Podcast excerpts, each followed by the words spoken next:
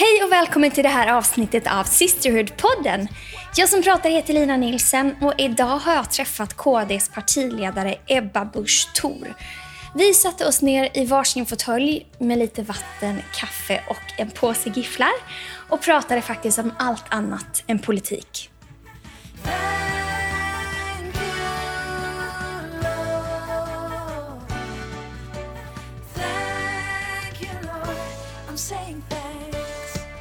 Så idag sitter jag och dricker en kopp vatten, dricker jag, men Ebba dricker en kopp kaffe. Jag dricker stark med kaffe. Ebba Busch. Vad kul att du är på Sisterhood-podden. Ja, men tack. Jätteroligt att vara här. Säger du Ebba Busch eller säger du Ebba Busch Thor? Alltså, jag säger fortfarande Ebba Busch ganska mycket. Jag är ju född Ebba Elisabeth med bindestreck, alltså som Ann-Margret. Ah. Och det står det fortfarande i mitt pass och Ja. på alla kort och sånt där överallt.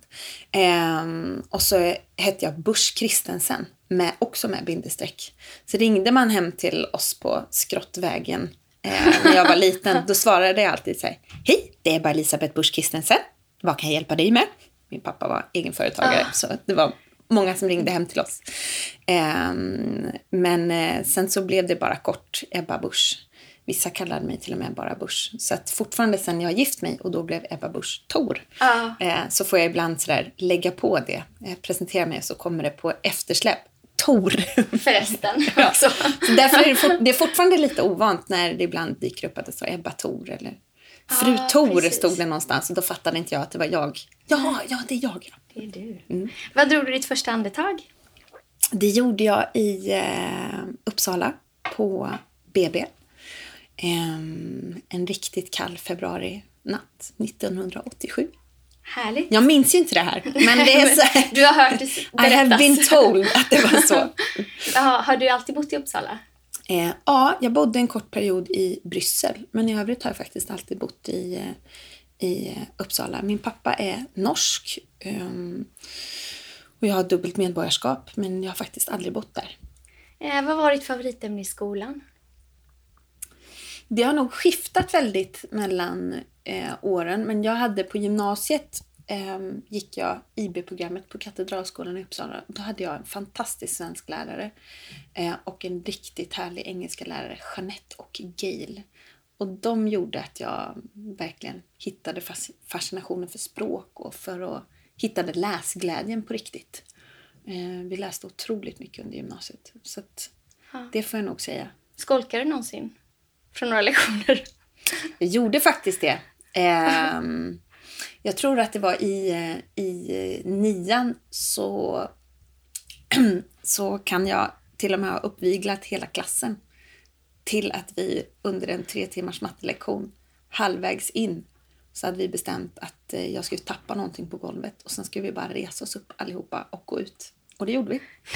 Gick och köpte glass. Det är helt fruktansvärt. Jag vet inte varför jag fick för mig att jag Wow. skulle driva detta eh, uppror. Men det var väl någon slags eh, mitt försök att sådär, eh, jag vet inte.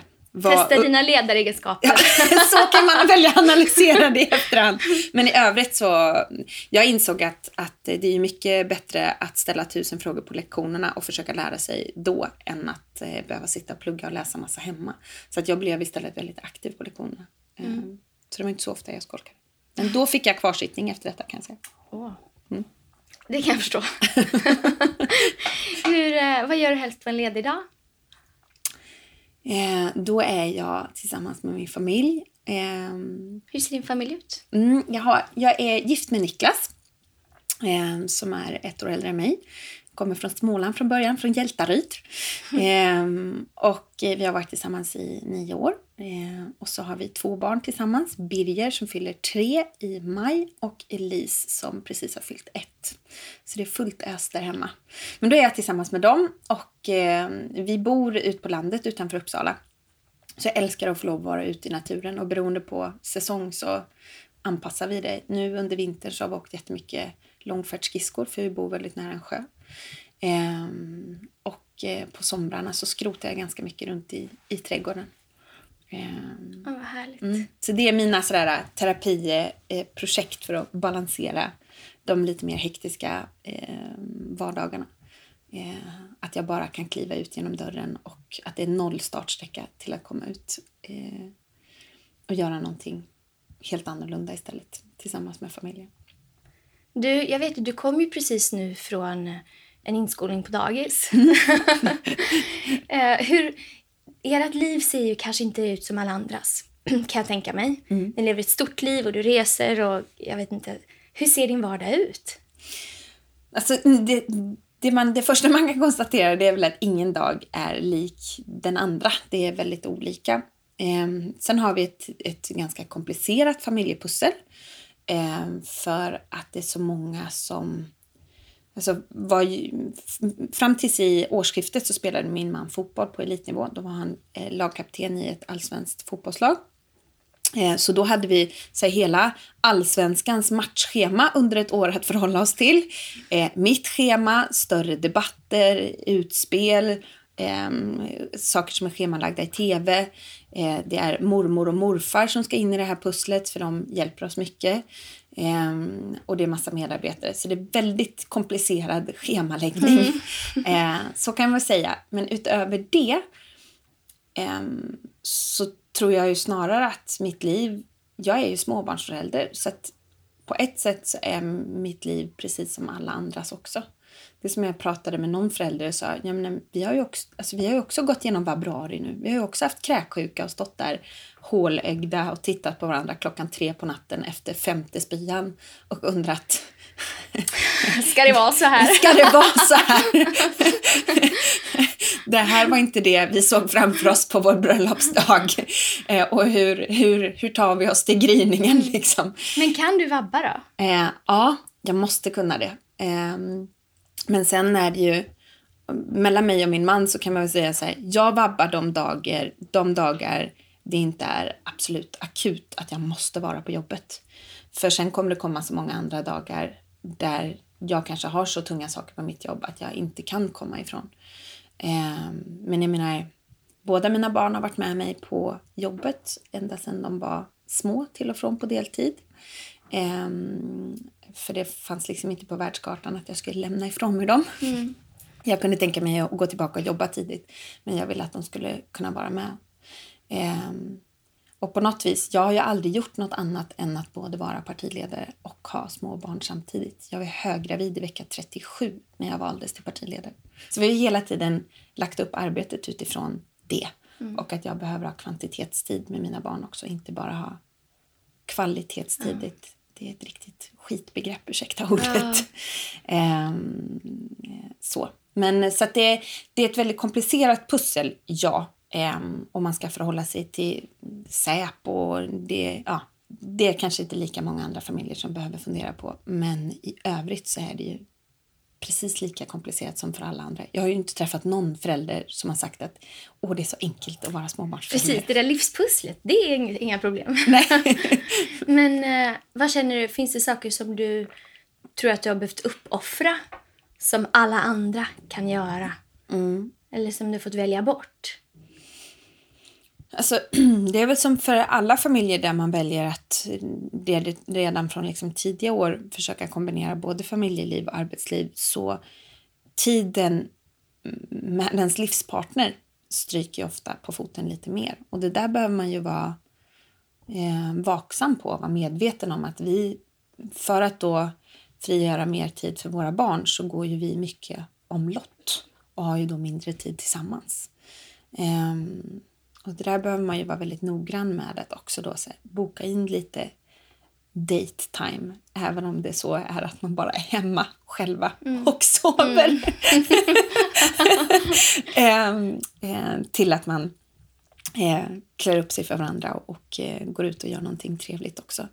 Ehm, men att bara vara medveten om att man utsätter sin relation för påfrestningar och att man måste tanka på, fylla på och vårda den där eh, relationen också. Det som jag kände när jag kom hem i, går kväll, jag skrev faktiskt om det på Instagram. För det är så underbart när jag kommer hem, försöker jag kasta av mig mina kläder precis när jag kommer innanför dörren, men det är knappt så att jag hinner innan då våran två och ett halvt-åring kommer springande och han har massa saker han vill berätta. Mm. Och sen kommer våran ettåring rusandes. Eh, hon går ju lite för fort för hennes korta ben, så man vet aldrig när hon plötsligt kraschar. och hon vill bli buren och så kommer vår hund Bella eh, och hon vill ha mest uppmärksamhet av alla. Mm. Eh, och så här, en timma in i att jag hade kommit hem så sa jag hej till min man. Hej, vad kul att du också är här. Eh, så det där behöver man ju vara lite, lite vaksam på så att man hittar tid för varandra också mitt i alltihopa. Men det tror jag nog många föräldrar känner igen sig mm. Förstod ni vad ni gav er in på när du tackade ja att bli partiledare? Nej. Och vi, och vi visste att vi aldrig kommer att kunna veta riktigt vad det är vi tackar ja till förrän vi gör det. Um, vi hade så många kvällar i... Alltså jag var ju kommunalråd innan jag blev partiledare. Mm. Um, så jag beslutade uh, allt som händer i en kommun, helt enkelt. Um, och jag hade nog tänkt att men nu går jag på föräldraledighet och sen får vi se när jag kommer tillbaka.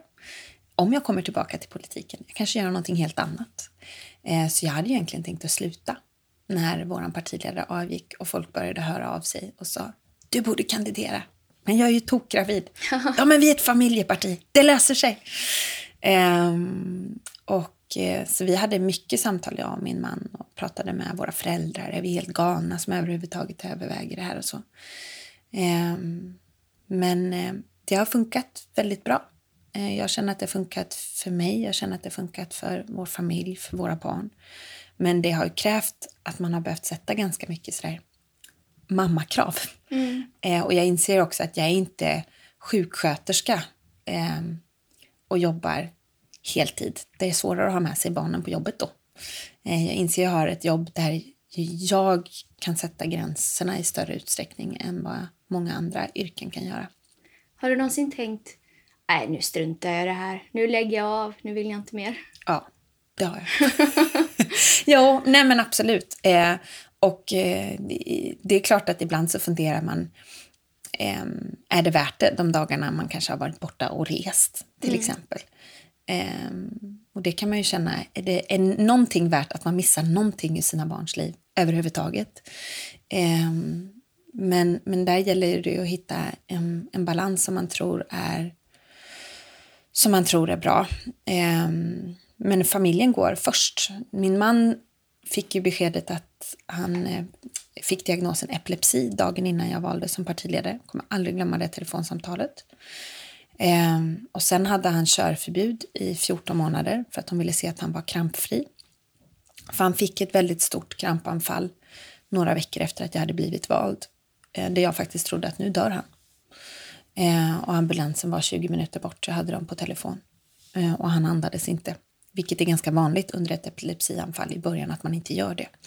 Eh, men nu har jag lärt mig att det är helt ofarligt och jag har lärt mig vad man kan göra för att underlätta och att krampanfallet kommer att gå över. Man dör inte av epilepsi. Men jag trodde där och då att det var det han gjorde och vår lilla Birger låg eh, några veckor gammal och grät på mattan bredvid medan jag trodde att nu miste jag mitt barns far.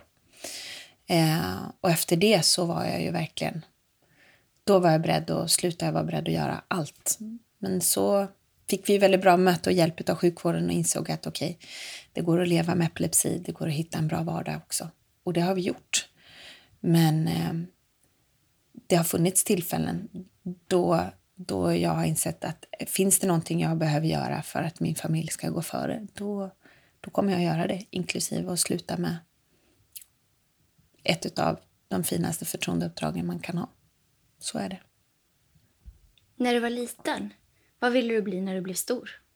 Inte partiledare.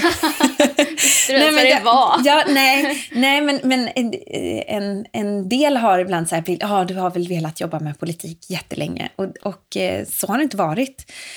Um, jag hade, ett tag så hade jag som dröm att jag skulle jobba som lärarvikarie för att jag tyckte att det är så fantastiskt så fort det kom in en vikarie i klassrummet. Ny energi, annat sätt att arbeta på. Alla elever tyckte att det var jättespännande med en vikarie. Um, men um, så jag har pluggat freds och konfliktkunskap eh, på universitetet och hoppas fortfarande få lov att jobba med diplomati eller att hjälpa länder som har varit konfliktdrabbade och så att komma tillbaka på ett eller annat sätt inom biståndsarbete eller ja, det kan vara privata företag som vill etablera sig i ett land som har varit drabbat av mycket oro och konflikter.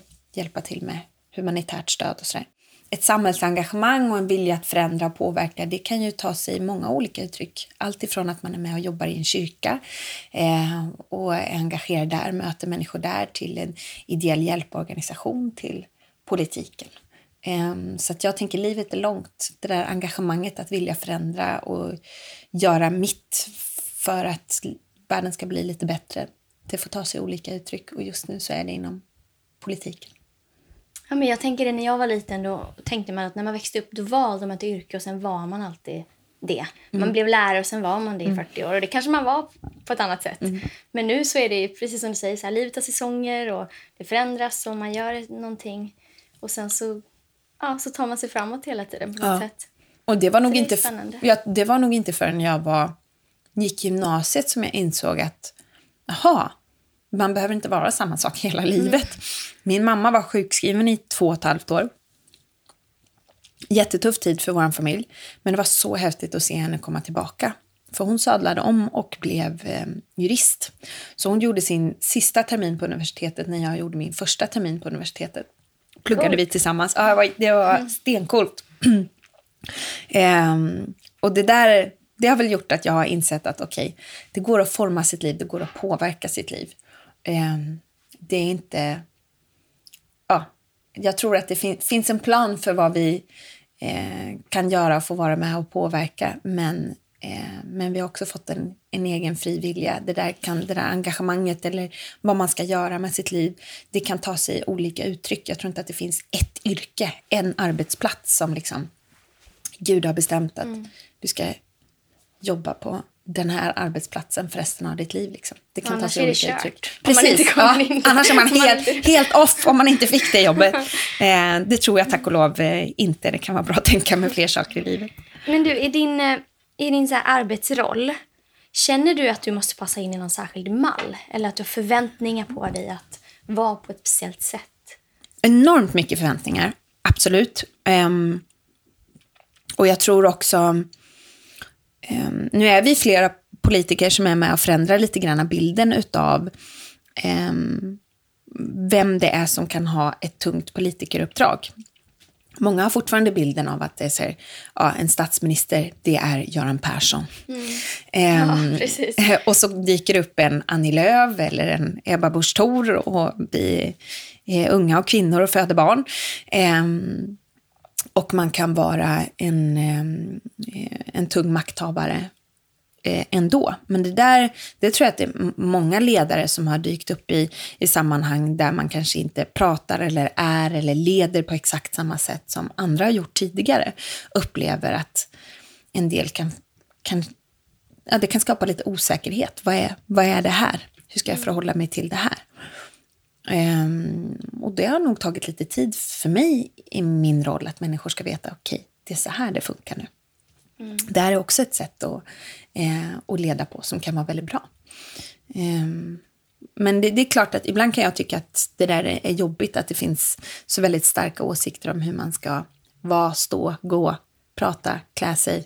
Ja, eh, allt så det är, ett, det är ett yrke som går ut på, eller ett förtroendeuppdrag som går ut på att människor ska ha åsikter om allt. Eh, Härligt. Ja, hur? hur hanterar du kritik och sådär då? Nej, men, jag, jag, tror ganska tidigt, och det är faktiskt min, min mamma som lärde mig det eh, under min tonårstid, att skilja på självkänsla och självförtroende. För mm, vi lever i en tid som är så otroligt fokuserad på självförtroende, av vilket bra självförtroende han eller hon hade. Och vi pratar inte lika mycket om självkänsla. Mm.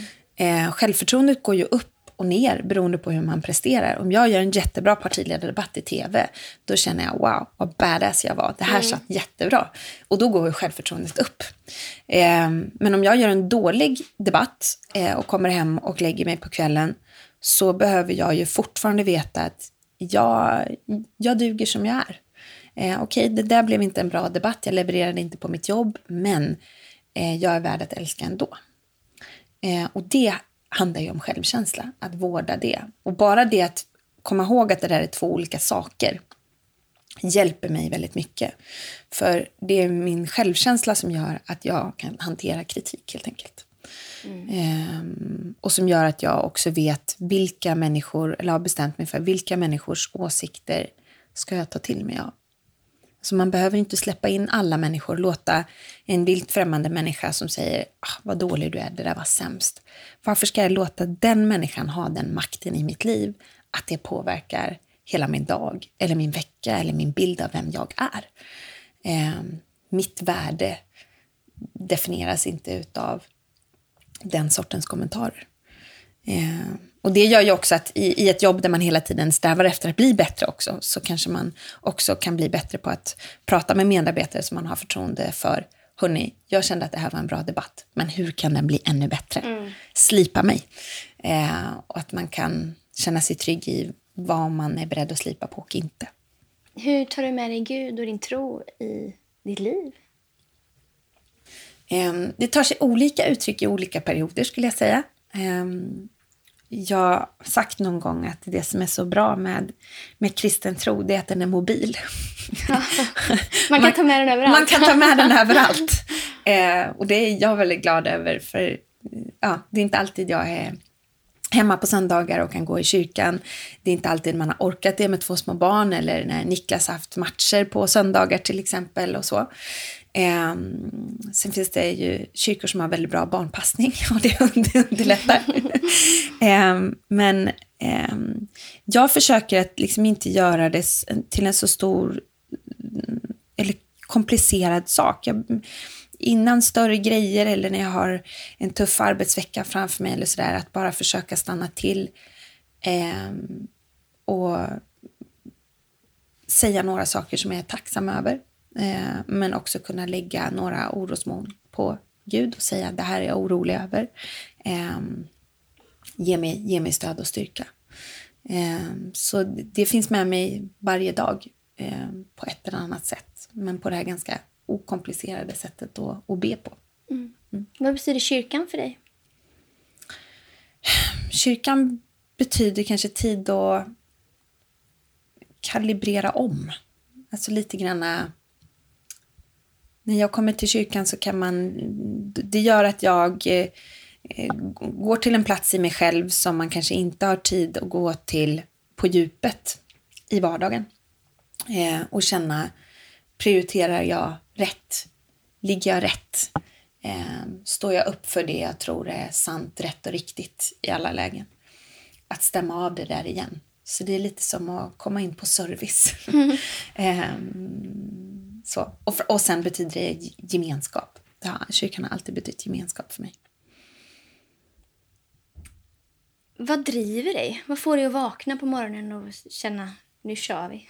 Eller jag vet inte om du känner mm. så, jo. men i alla fall göra det. Ja, jag kände inte så i morse, men då hade vi sovit dåligt. Men, men, eh, men, men många dagar känner jag så.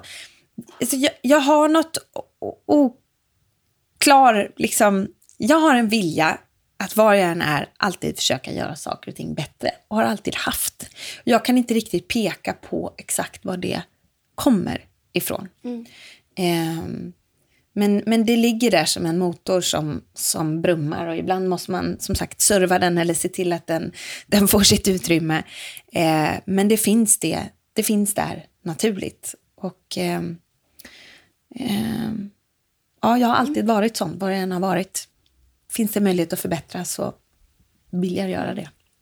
Men du, jag eh, är ju inte i politiken. Men när man ibland ser på vissa debatter så kan man ju nästan tänka att ni är mm. osams. Mm. och man säger saker till varandra. och Det är inte trash talk, det är det ju inte, men det är ju debatter. Är det så att man efteråt kan vara polare och ta en kopp kaffe och skratta? Eller är man lite irriterad på varandra? Det är olika med olika politiker ska jag säga.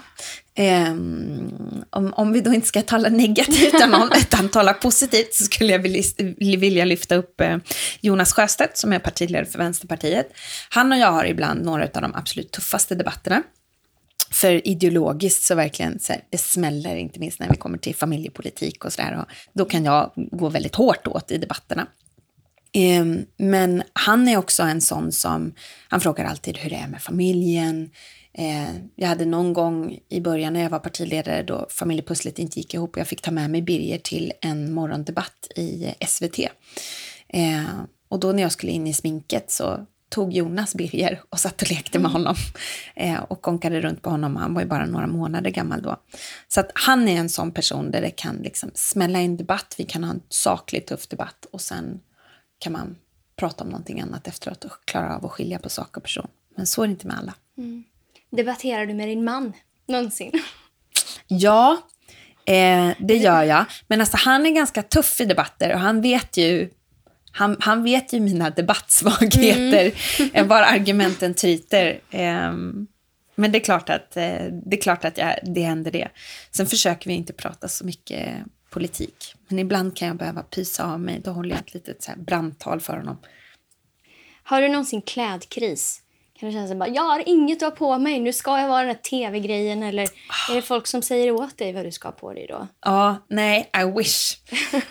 um, men, alltså, jag känner väl inte någon som inte har öppnat sin garderob med jämna mellanrum och tittat på kläderna och sagt jag har inget att ha på mig. och som sen har mötts av en, en livspartner som har glidit upp, fast det finns ju massa kläder Precis. här. Ja, fast inget av detta passar. Men eh, alltså, eh, mina värst, min, alltså, jag försöker inte lägga så mycket tid på kläder, men det är klart att eh, eh, alltså, människors benägenhet att lyssna till vad man säger påverkas ju ibland av vad man har på sig. Mm. Eh, och en av mina värsta klädkriser, det var nog ändå sex veckor efter att jag hade fått Birger och skulle hålla mitt första stora tal som partiledare i Almedalen som ju sänds varje sommar ifrån Gotland. Och det var så här, 3000 pers i, på plats i den här stora parken i Visby och sen direkt sändes det i tv. Och då så här, nyförlöst för sex veckor sedan och med kejsarsnitt och visste knappt om jag skulle orka ta mig till butiken för att prova kläder och vad man kommer i och inte. Eh, ja, då hade, jag, då hade jag lite klädkris. Och det kan ju betyda så mycket. Är man bekväm med vad man har på sig, då tänker man ju inte på vad man har på sig och så kan man bara köra sin grej istället. Så det är, klart att, det är klart att jag har lite klädkris ibland. Vad är det absolut bästa med ditt jobb? Alla möten som man, som man har med människor. Man reser ut i landet. Det betyder jättemycket. Och det, det är väl där jag tankar också på, den, apropå drivkraften, vad det är som driver mig. Det är där jag påminns om varför jag gör det här, varför jag lägger så många timmar. Vilken skillnad politiken kan göra när den blir stöttande, Um, och det är väl det, det är de starkaste minnena också som jag har från min tid som aktiv i politiken, är ju inte från debatter med andra politiker, utan det är de där människorna. Och när man har fått lov att ge någonting till någon annan, om man har fått lov att ta med sig någonting vidare. Vad drömmer du om nu? Nu så drömmer jag om, väldigt konkret, om att vinna val i höst. Just det. Ehm, mm. Jag har liksom ett väldigt tydligt mål om att jag ska få byta jobb i höst. Ehm, det vill säga att eh, vi ska bilda regering.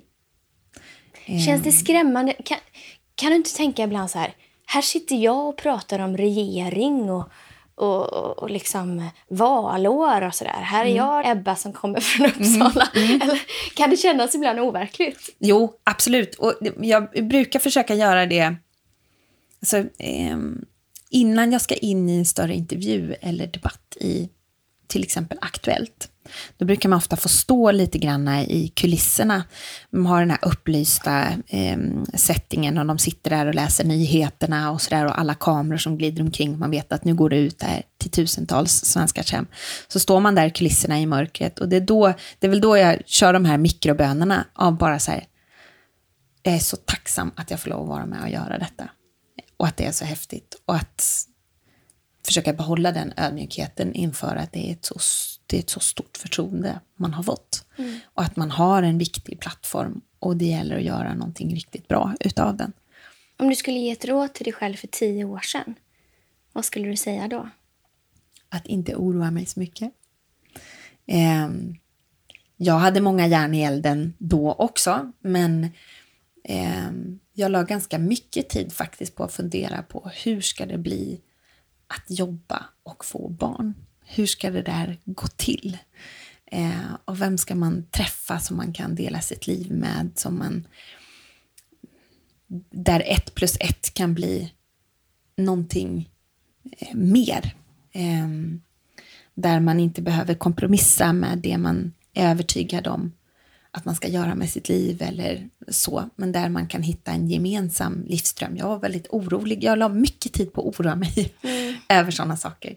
Eh, hur man skulle hitta någon och eh, hur det skulle gå att få ihop familjeliv och så. Eh, och då hade jag ju inga drömmar eller tankar om att jag skulle bli partiledare. Då hade jag kanske varit ännu mer orolig. Och, ja, och nu så, eh, ja, jag har insett att det där var helt i onödan. Det löser sig. Eh, if there's a will, there's a way. Mm. Uh, och så får man ta det dit när man kommer och att våga hitta en riktigt bra teammate, oavsett om det är vänner under tiden man är singel eller när man hittar någon som man förälskar sig i, att se till att det är det är verkligen är en partner, en, en, en lagkamrat i livet. Där man både kan säga, det här är min högsta dröm, det här är verkligen det jag vill. Och att våga prata, okej, okay, om vi ska få det att hända, hur ska vi göra då? Eh, men där man också kan berätta om vad man är rädd för. Eh, så.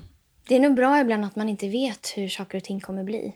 Då ja, kanske man skulle bli ännu mer skrämd. Ja, absolut. Men utan att man växer med man växer med utmaningen och man, man, man får se så mycket i taget som man behöver se. Absolut. Mm. Och att det, det tror jag är, är en annan viktig nyckel. Att inte... Alltså, rädsla kan driva en till att göra väldigt mycket skarpa beslut. Men det är ännu bättre om man kan våga drivas av möjligheten att lyckas istället. Så jag har gjort så många saker som skulle kunna ha gått fullkomligt åt pipsvängen. Men jag har valt att liksom trycka undan den rädslan och istället se Fast det finns ju också en möjlighet att lyckas och då mm. blir det fantastiskt. Och vad är det värsta som händer om jag misslyckas med det här? Ja, då får jag göra någonting annat i livet då. Ehm, så att försöka vikta det, balansen mellan möjligheten att lyckas och, och rädslan att misslyckas.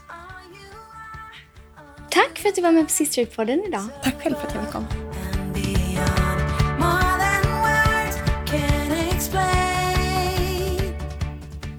Många ser ju Ebba som enbart en politiker, förståeligt nog. Men det vi behöver komma ihåg är att alla oavsett position är ju människor.